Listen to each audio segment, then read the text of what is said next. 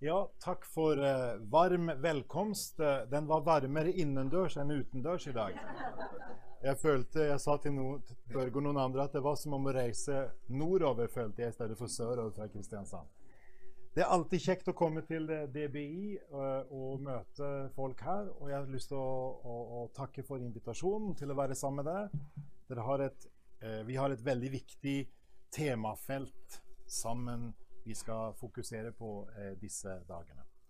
Nå kom jeg jo rett inn og fikk lov til å høre noe av det Kurt formidla. Som alltid grundig og gjennomreflektert og svært vesentlig å ta med seg videre. Så jeg anbefaler sterkt det som Jeg kommer inn på noe av det samme også. Går vi tilbake jeg tør nesten ikke å si det, er det 20 år, kanskje, eller noe sånt, så begynte jeg å bli invitert til å vurdere om jeg skulle begynne på en doktorgrad i England. Og da var det at jeg valgte til slutt å fokusere på denne perspektivet. At jeg er egentlig jobber med, med primært med, med, systematisk teologi og praktisk teologi. Eh, så Nytestamentet er ikke mitt primærområde. Men med det perspektivet gikk jeg til Nytestamentet og begynte å grave. Og det var et veldig spennende arbeid. Og jeg fokuserte på én spesiell tekst, eh, som slett ikke er ukjent for dere. Vi kommer tilbake til den. Eh, men jeg har lyst til å dele noen bredere tanker med dere eh, ut fra en helhetstenkning her. Og det første jeg har lyst til å si, det er Vi må jo da gjerne gå tilbake til noe som sikkert alle har sagt før i dag. Alle må vel ha sin egen definisjon, men ikke det. I hvert fall så jeg har lyst til å si litt om hvordan jeg tenker når jeg bruker ordet apologetikk. Dere vet ordet kommer fra apologia, som jo da er et eh, rettslig, et forensisk begrep som vi finner i antikke, den antikke verden, i rettssalen. Det var når noen fikk en kategoria mot seg en anklage, så hadde en rett til å komme med en apologia. Kategoria, apologia. Og Det er jo det som vi også møter i 1. Peter 3, når, når Peter sier oppfordrer oss til å være beredt til å avlegge en apologia, et forsvar. Og husker dere hva han sier? Et forsvar for det håp som bor i dere. Og er ikke det veldig interessant? Det som på en måte som man fokuserer apologien, apologetikken, begrunnelse for den kristne troens forsvar, og relevans, sannhet, hørte vi om her, på håpsdimensjonen. Det har ikke alltid vært tilfellet i uh, kirkens historie at han har gjort det. Og jeg mener ikke at det bare har med det å gjøre, men det er noe grunnleggende veldig sentralt i dette. Og går vi to kapitler før, 1. Peter 1, så jeg er sikker på at vi også husker hva som står i kapittel 1, vers 3. Født på ny ved et levende håp ved Jesu Kristi oppstandelse fra de døde. Så håpet knyttes til Jesu oppstandelse. For meg sier det at det må i hvert fall stå sentralt når vi snakker om det apologetiske i et bibelsk perspektiv. Så kunne vi gå til Filippe-brevet 1, der Paulus snakker om at han er kalt til å forsvare og stadfeste evangeliet. Veldig interessant utsagn, det. Å forsvare ser ut til å være mer liksom, når angrepene kommer, innvendingene kom, sånn som også det var fokus på i program, programbladet eller programmet for, for, for, kurset her. Men også stadfeste. Hva ligger i det? Jeg har lyst til å komme tilbake til det litt senere. Apologetikk kan forstås som det å simpelthen forklare og forsvare kristne troens sannhet og relevans. Det er en måte å si det på. Forsvare og forklare den kristne troens sannhet og relevans. Skal vi uttrykke det litt mer presist, kunne vi sagt at det er den rasjonelle altså en tankemessig rasjonelle begrunnelsen for de kristne sannhetspåstandene i møte med spørsmål, innvendinger, myter og alternativer. Og Hvis vi går da til bibelmaterialet og har det perspektivet at det er en begrunnelsen for, på, for hvorfor det er sant, og ser det i relasjon til spørsmål, innvendinger, myter og alternativer, da ser vi plutselig at det er enormt mye bibelmateriale som åpner seg her for oss. For vi møter mange spørsmål til kristen tro. Mange innvendinger til kristen tro. Mange myter, selv om de kanskje enda mer i vår tid, sant, i betydningen myter om kristen tro. Og mange alternativer. Det var en pluralistisk samtid som den første kristne kirke vokste frem. Så med et slikt fokusert, men allikevel bredt perspektiv, så vil vi finne mye i Det nye testamentet. Så kan vi spørre oss eh, apologetikk. Er det aktuelt? Utenom at det er tema på tre dager på DBI. Eh, ja, det er faktisk utrolig aktuelt. Og det er en økende erkjennelse verden over. Og vi kunne gått inn i dette på mange ulike måter, i mange ulike perspektiver. Men eh, jeg vet ikke hvor mye dere følger med på internasjonal statistikk. 'You lost me' var overskriften på en undersøkelse i amerikansk kirkeliv for et par, tre, fire år siden. Stod, altså Når ungdom beveger seg i overgangsfasene fra gymnas, videregående, eh, til høyskole universitet f.eks. Fra eh, universitet ut i yrkeslivet osv. Disse overgangsfasene er veldig sårbare, viser det seg, fordi en, en skifter miljø, og en har ofte ikke røtter til å takle dette. You lost me. Tankevekkende. Det sier noe om og, når, eh, og Hva er det de sier, ungdommene, når de blir spurt hvorfor går de på en måte tapt for Kirken? Hvorfor glir de vekk eller tar de avstand? Jo, mange av de henviser ikke minst til det var ikke rom for spørsmål. Det var ikke rom for å stille spørsmål engang om det er sant. Det var ikke rom for å høre begrunnelser. Det var bare påstander. Dette særlig for DBI, MF i Århus, min egen sammenheng i Norge og internasjonalt, som ønsker å stå for Bibelens sannhet, er dette viktig at vi ikke blander en overbevisning om Bibelens sannhet, om, om Jesu unike stilling vi hørte om her fra Kurt, med en intolerant holdning. Det er forskjell på en overbevisning og en holdning. Det går an å respektere uten å akseptere. Det vi ser i dag, er et sterkt økende behov. Vi ser også en, en utrolig renessanse internasjonalt for apologetikk de seneste ti år særlig. Vi har ikke tid til å gå inn på det, jeg bare konstaterer det her. Vi kunne sagt mye om det, eh, men det er, det er fascinerende ting som er utenkelig, ville vært utenkelig bare for fem eller ti år siden, fokuseres nå på. Jeg hørte akkurat fra Kurt nå, nå i pausen at dette senteret for kristen apologetikk, er de med som medarrangør? Eller i hvert fall Ja, han er, godt, han er med. ja. Eh, så, så eh, eh, han sa det blir så veldig godt mottatt, fortalte han om, når de lanserte nå i, for ikke så lenge siden. Og det sier litt om behovet folk føler på. Men så skal vi være klar over dette har vært undervurdert før. Men da må vi jo ikke gjøre dette til det eneste saliggjørende som betyr noe. Det er noe med å beholde balansen her og ha en helhetlig tilnærming. Ehm, det er viktig, og vi kommer litt tilbake til det, litt av de senere tingene jeg har lyst til å dele med dere. Eh, men la meg foreslå en ting. La meg foreslå at vi i Det nye testamentet møter apologetikken på tre nivåer. Det er ikke mye jeg har funnet på i denne verden, men akkurat dette tror jeg har funnet på. Jeg har i hvert fall ikke møtt det slik noen gang. Så får dere se om dere finner det, så fortell det gjerne hvis det andre finner det noe sted. Det første nivået er fortellingen om Jesus. Evangeliet. Det har skjedd. Vi kunne gå til 1. Korinterbrev 15, f.eks. Oppstandelseskapitlet. Som jo er kanskje det tidligste vitnesbyrdet i NT om den åpne grav, om Jesu oppstandelses historisitet. Stadig flere forskere må erkjenne at dette er virkelig troverdig. Budskapet kerygma er troverdig. Den Jesus er, er troverdig. Jesus som Messias, Guds sønn. Det er det første nivået. Det andre nivået er at veldig mange av skriftene i Nyttestamentet synes å være skrevet med om ikke den eneste intensjonen, så i hvert fall én av intensjonene, er å si at den, de, den kristnes og de kristnes tro er legitim. Det er gyldig, den troen en har kommet til. Det er ikke fusk og fanteri. ikke sant? Det er ikke et bedrag. Det er sant. Det er et riktig valg å ta når en har blitt kristen.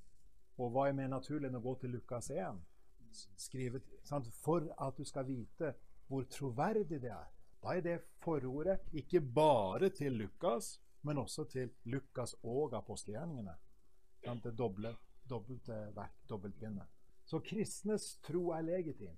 Og så møter vi for det tredje gjennom hele Nytestamentet eh, dette møtet med jødisk tro. Møtet med gresk tro. Møtet med romersk tro. Møtet med okkultisme osv.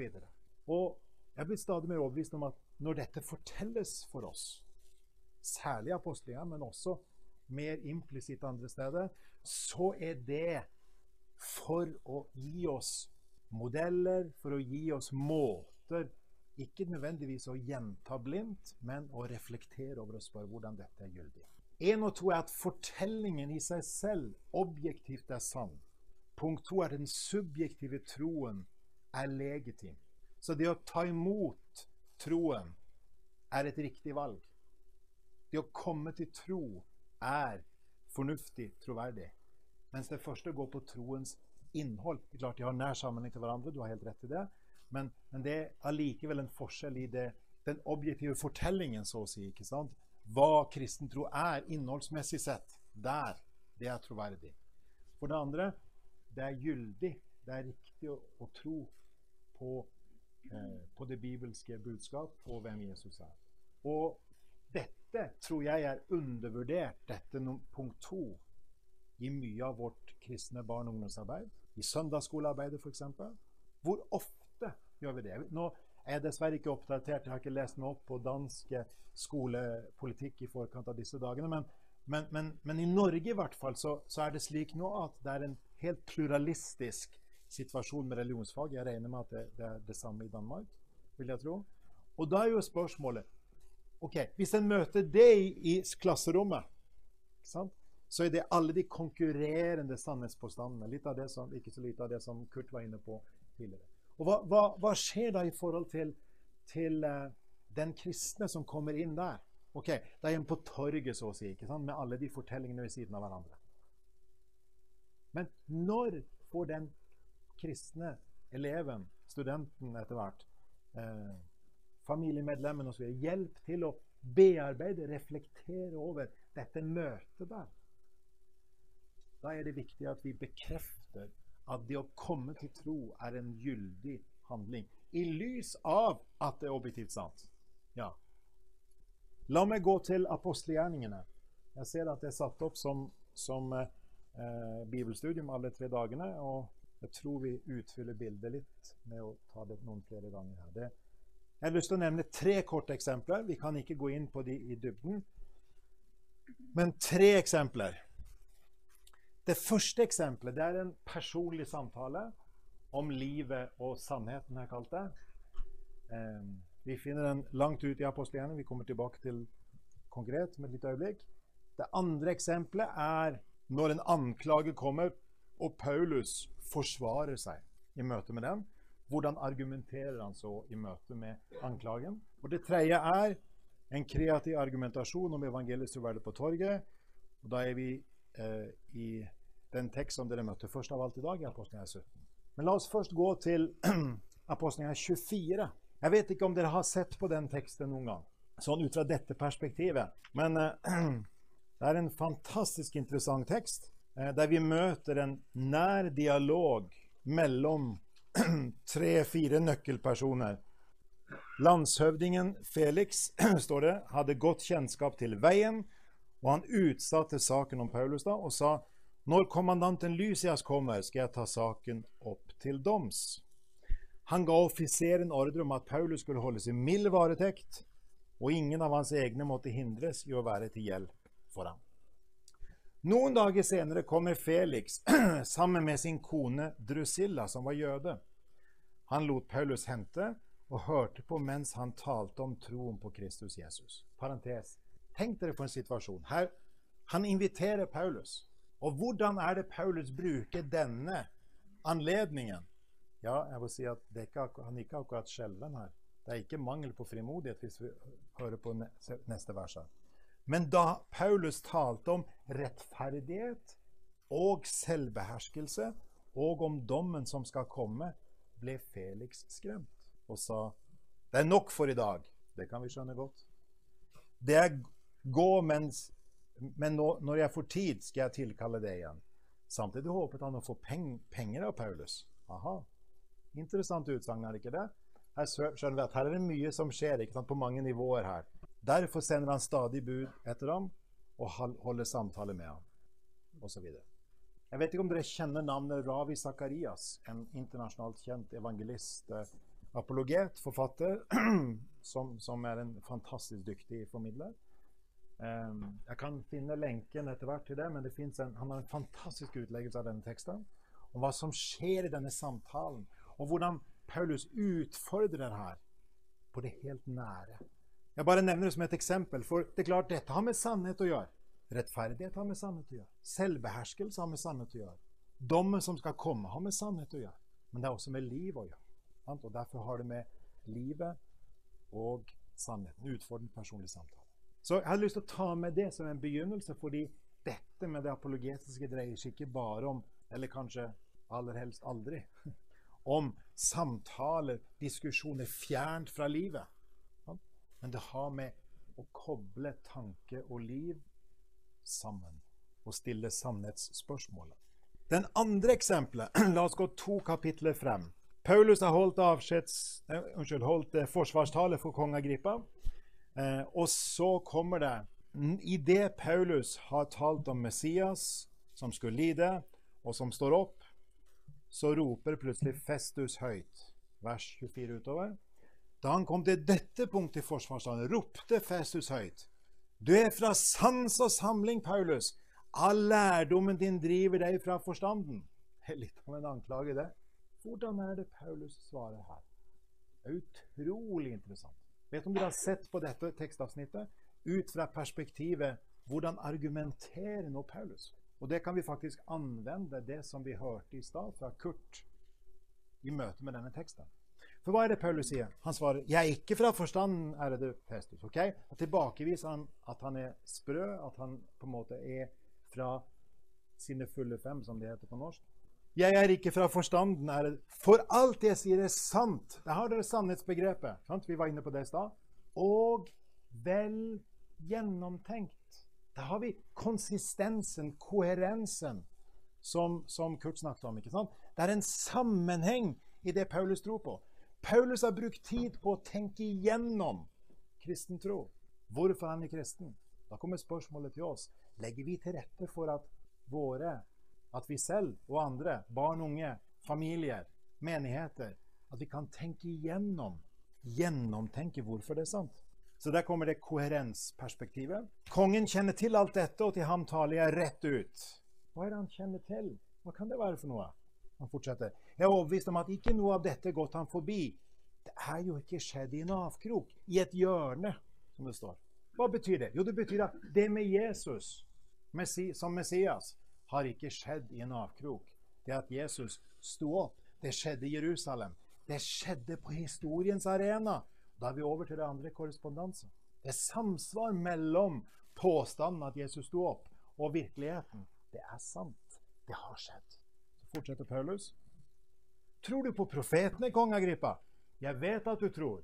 Hva er sammenhengen? Sammenhengen med profeti og oppfyllelse. Det er en konsistens, en koherens mellom løftene og oppfyllelse. Det er en sammenheng her. Agrippa sa til Paulus det er like før du får overtalt meg til å bli en kristen. Er ikke det fantastisk utsagn? Veldig ærlig utsagn. Og Det er akkurat som det er en magnetisk kraft i evangeliet som trekker Agrippa i retning av Jesus. Og så er det for meg så er det det pragmatiske kriteriet. Det viser seg at det trekker på han. Han skjønner dette har med liv å gjøre. Dette har noe Det er like før du overtaler meg. Like før jeg ser dette. Og så sier Paulus like før er det langt igjen. Mitt ønske til Gud at både du og alle som hører med, må bli som jeg, bare uten disse lenkene. Her møter vi altså at Paulus argumenterer. Han tilbakeviser at det kristen tro er irrasjonell. At den er imot tanken. Tvert imot er det fullt og fast sant, sier han. Og Da kommer vi til apostelgjengen 17 som det tredje eksempelet. I dette korte risset over noen apologetiske strategier. Dere kjenner teksten, regner jeg med. Eh, dere begynte jo dagen med teksten også. Det var altså denne teksten jeg skrev min doktoravhandling om. Men jeg kan preke over andre tekster. pleier jeg å. Men denne teksten er ofte misforstått.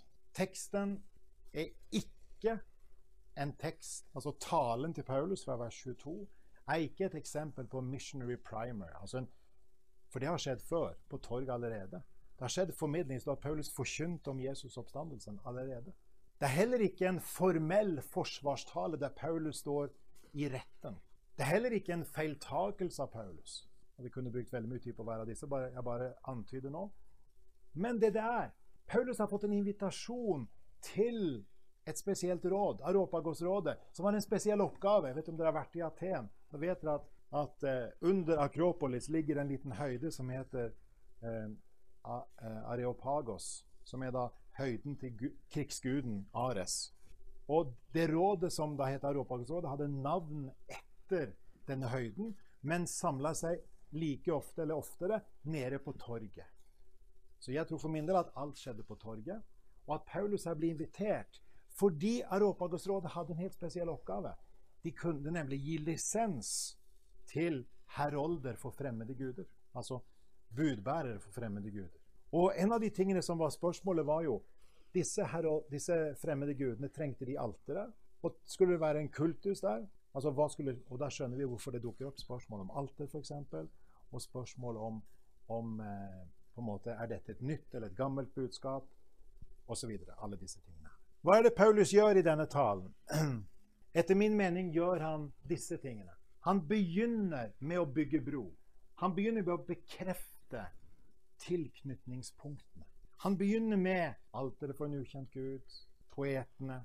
Det veldig fascinerende her er at mens han i synagogen har Det gamle testamentet som felles grunnlag, utgangspunkt, referansepunkt, så ser det her ut til at han har den felles menneskeligheten som utgangspunkt. Vi lever alle i den samme verden. I den samme Guds skapte verden. Og det er på en måte rammen rundt livet. Det var i parentes bemerket noe av styrken til en apologet som Francis Schaefer, at han tok den dimensjonen på alvor fra denne teksten.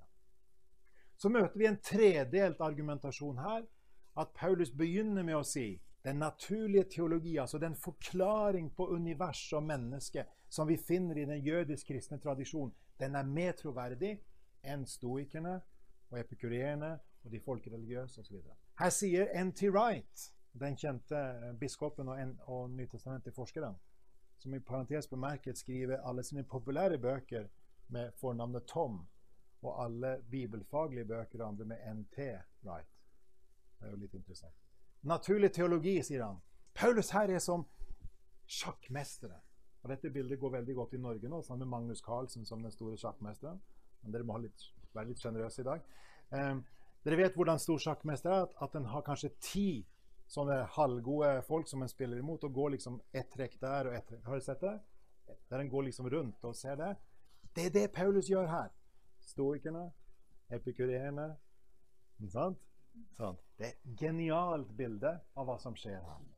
For stoikerne de trodde på at Gud var en kraft, sant? guddommelig fornuft, som på en måte gjennomstrømmet alt. Altså, De hadde forstått noe av Guds immanens. Guds nærvær i virkeligheten, så å si. Det guddommelige. Mens epikureerne trodde på at guden eller var det fjerne, på en måte, de, de, de langt vekk lå noe rett om det transcendente, om det hinsidige i det de mente. Men i hvert fall, poenget nå er bare å si at Paulus sier det, og det er den lengste delen av hans argumentasjon, at uh,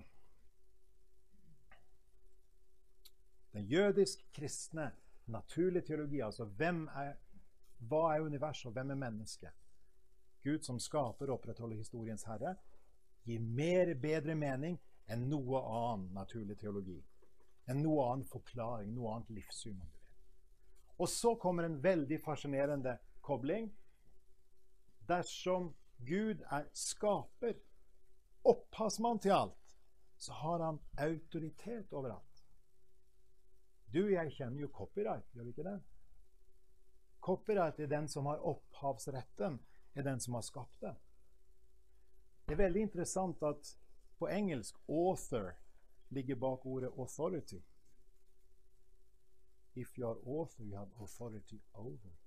Så her er altså tankegangen det at Gud, om han virkelig er stor, så stor og så mektig som Bibelen beskriver han som, så har han absolutt autoritet. Ultimate authority. Men er denne Gud da ukjent? Nei, han har vist hvem han er. Sitt ansikt og sitt navn i Jesus Kristus. Og det ser vi ved oppstandelsen. Og det er uhyre interessant at oppstandelsen her fokuseres på. Vi allerede nevnt det før, fra 1. Peter. Samme sak kommer igjen her. Og jeg tror det er flere grunner til det. Det ene grunnen til at oppstandelsen er så sentral, det er det at det berører oss der vi er som svakest. Det er vårt liv på en måte Vi må kapitulere bokstavelig talt. Døden er vår siste fiende.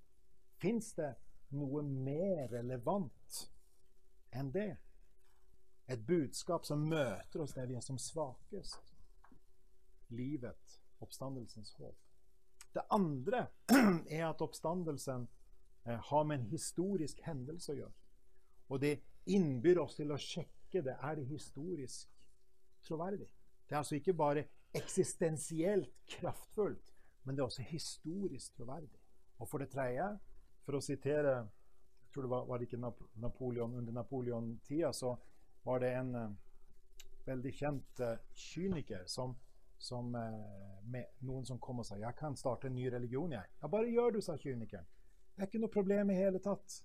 Det eneste du trenger å gjøre, det er å dø og stå opp igjen. Det er ikke verre. Og det sier litt om hvor utrolig ofte vi har hørt det, og til slutt hører vi ikke lenger hvor radikalt budskapet om Jesus er. Så det sier altså eksistensielt kraftfullt, historisk troverdig og kristosentrisk fokus på hvem Jesus er. Og Da ser vi at Paulus begynner med å bygge bro, og han slutter med å utfordre. Og Det som forundrer meg når jeg drev og, og pløyde igjennom x antall utleggelser eh, fra 100 eller 200 eller 300 eller noe sånt om teksten, var at noen havna kun i brobyggingen. Andre havna kun i konfrontasjonen. Men vi finner begge to i teksten. Og vi går feil, og vi bare havner på ett av de.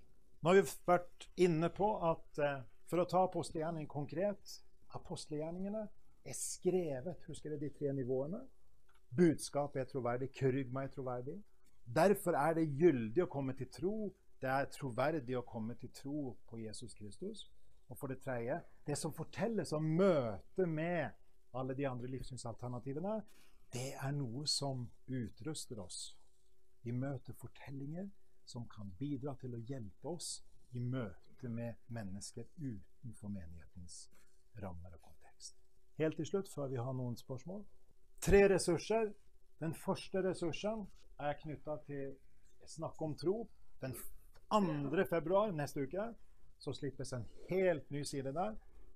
Dere leser jo norsk, så det bare står etter dere i Danmark. Så dette er en fantastisk ressursside som vi driver med utgangspunkt i Damaris, som vi driver på på Gimlekollen. Snakk om Gud var den serien som uh, The God Question Series, som, som, har gått på norsk TV og ligger på nett-TV på NRK. Er produsert av et kristent produksjonsselskap som tar opp kosmos, livets utvikling og menneskets tanke og bevissthet, og lar ulike livssyn møter hverandre og prøver å forklare hva den etablerte vitenskapen vet om dette.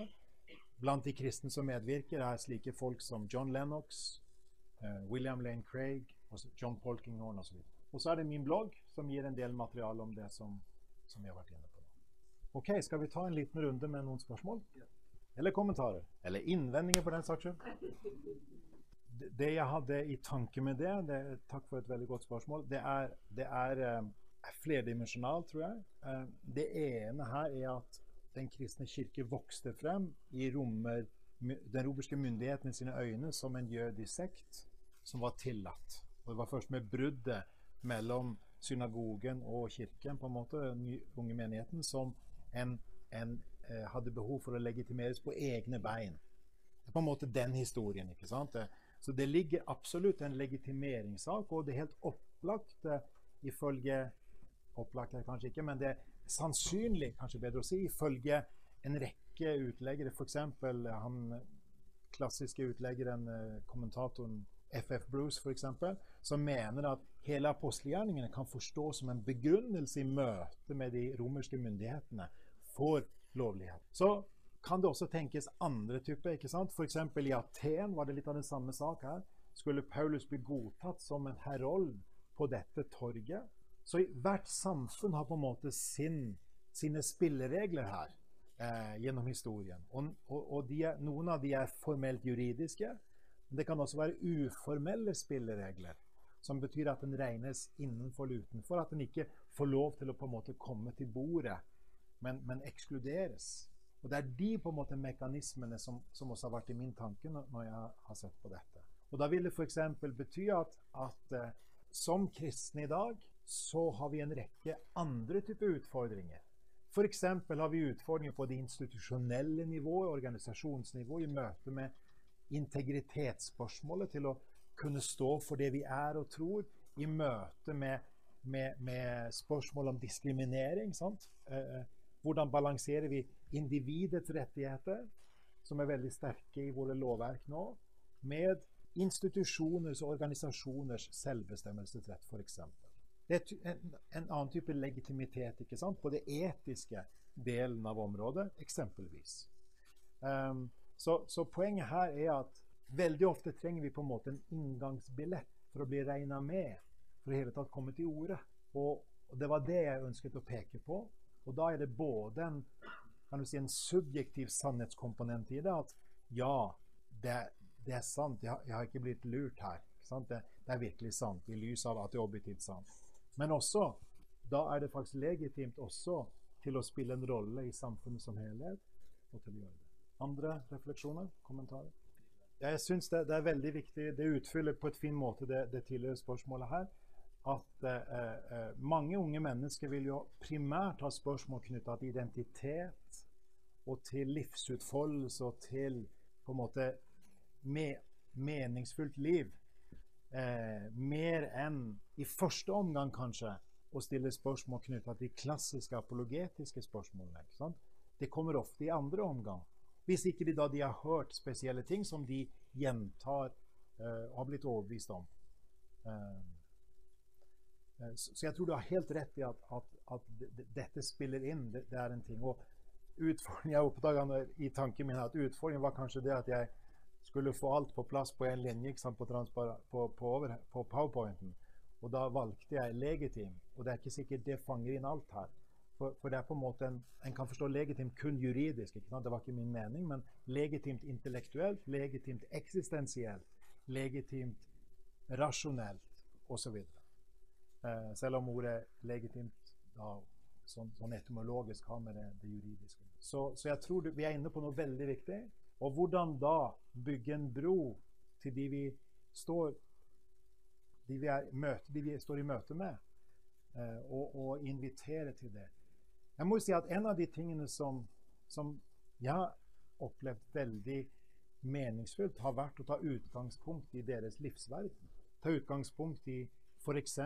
filmer som de ser, musikk eh, som de hører på, bøker eller ting, TV-serier osv og spørre hva, hva, slags bilde gir de av virkeligheten, og kjenner de seg igjen i det?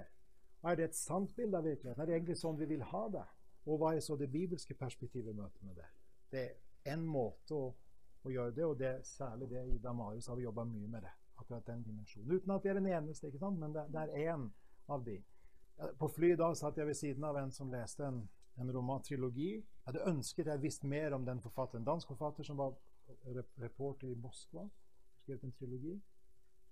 Kjenner du navnet? Leif Davidsen, ja. ja. Hadde jeg der og da sant? Nå var det en flyktig relasjon hvis delte et sete. ikke sant? Hadde jeg der og da visst litt om den forfatteren, kunne jeg hatt et samtale med han om det. ikke sant? Og hvor mye gjelder ikke det hvis vi kjenner noen personlig? Så, så, jeg tror det ligger noe her i det at, at uh, det folk selv er opptatt av, hvordan kan vi møte de der, og så bygge en bro. Da er vi tilbake til sant, det jeg snakket om med, med tilknytningspunktene til, til å, å, å, Helt opplagt så har erfart liv med en følelse av meningsfullt liv og livsutfoldelse har absolutt med det å gjøre. Nei, det, ja, jeg forstår veldig godt hva du tenker på, og det er et veldig, veldig god observasjon, syns jeg. Og her er det jo forskjellig syn i kristne sammenhenger også, hvor langt den skal gå, vil noen si. eller hva. Men kanskje kan en tenke slik at, at uh, skal vi ta på alvor at Gud er alle mennesker skaper, så er det rimelig å forvente at i det minste glimt av sannhet kan erkjennes av alle. Vi snakker da ikke om frelsende sannhet, men vi snakker om det som Kurt igjen var inne på. Eh, og da er det jo rimelig å tenke at, at eh, også i en sånn sammenheng så kan det ligge en erkjennelse av noe som faktisk, sett i hvert fall ut fra et bibelsk perspektiv, kan gi mening. For det, Paulus flytter jo samtidig sitat fra sin opprinnelige sammenheng inn i en ny sammenheng. Så sånn sett har, har sitatet en annen rolle allikevel. Stemmer? Ja. Men, men det, allikevel så henviser han til at poeten har sagt noe om det. Altså, det ligger en anelse av sannheten. En, en, en, en uh, oppdag av noe av det. Sant? Og, og hvis vi kunne, Tenk om vi kunne gå på oppdagelsesferd med andre mennesker til å oppdage sannhet sammen. For vi er jo ikke redd for sannheten. Hvis Gud er sannhet, så er det ingenting å være redd for. Vi skal ikke være naive, men det er ingenting å være redd for. Så det er en fantastisk perspektiv hvis en tenker på det. det å, og, og, hva ligger det av, av eh, ting vi kan gripe fatt i? Mange av dere vil kjenne Oskar Skarsheim sitt navn. Norsk kirkehistoriker. Eh, svært, svært eh, produktiv og, og, og, meget anerkjent. Han skrev sin doktoravhandling om Justin Martyr, som jo snakker om Sokrates sant? som, som en, en, en, veldig viktig rolle, for å ta litt parallell her. Og det som eh, Logos spermatikos, ikke sant? hvordan skal det forstås? Jo, sier Oskar Skarsson, ikke som den utsådde logos, men som den utsående. Altså Gud er aktiv til stede og prøver å på en måte trekke folk til seg. Eh, så det er ikke på en måte frelse i alle religioner. Sant? Det er ikke det som er perspektivet. Perspektivet er at Gud er den han er. Gud er Gud om alle mann var døde. Er ikke sånn det heter en solid, gammel salme. Kanskje vi skal avrunde, selv om det sikkert kunne være mulig til flere?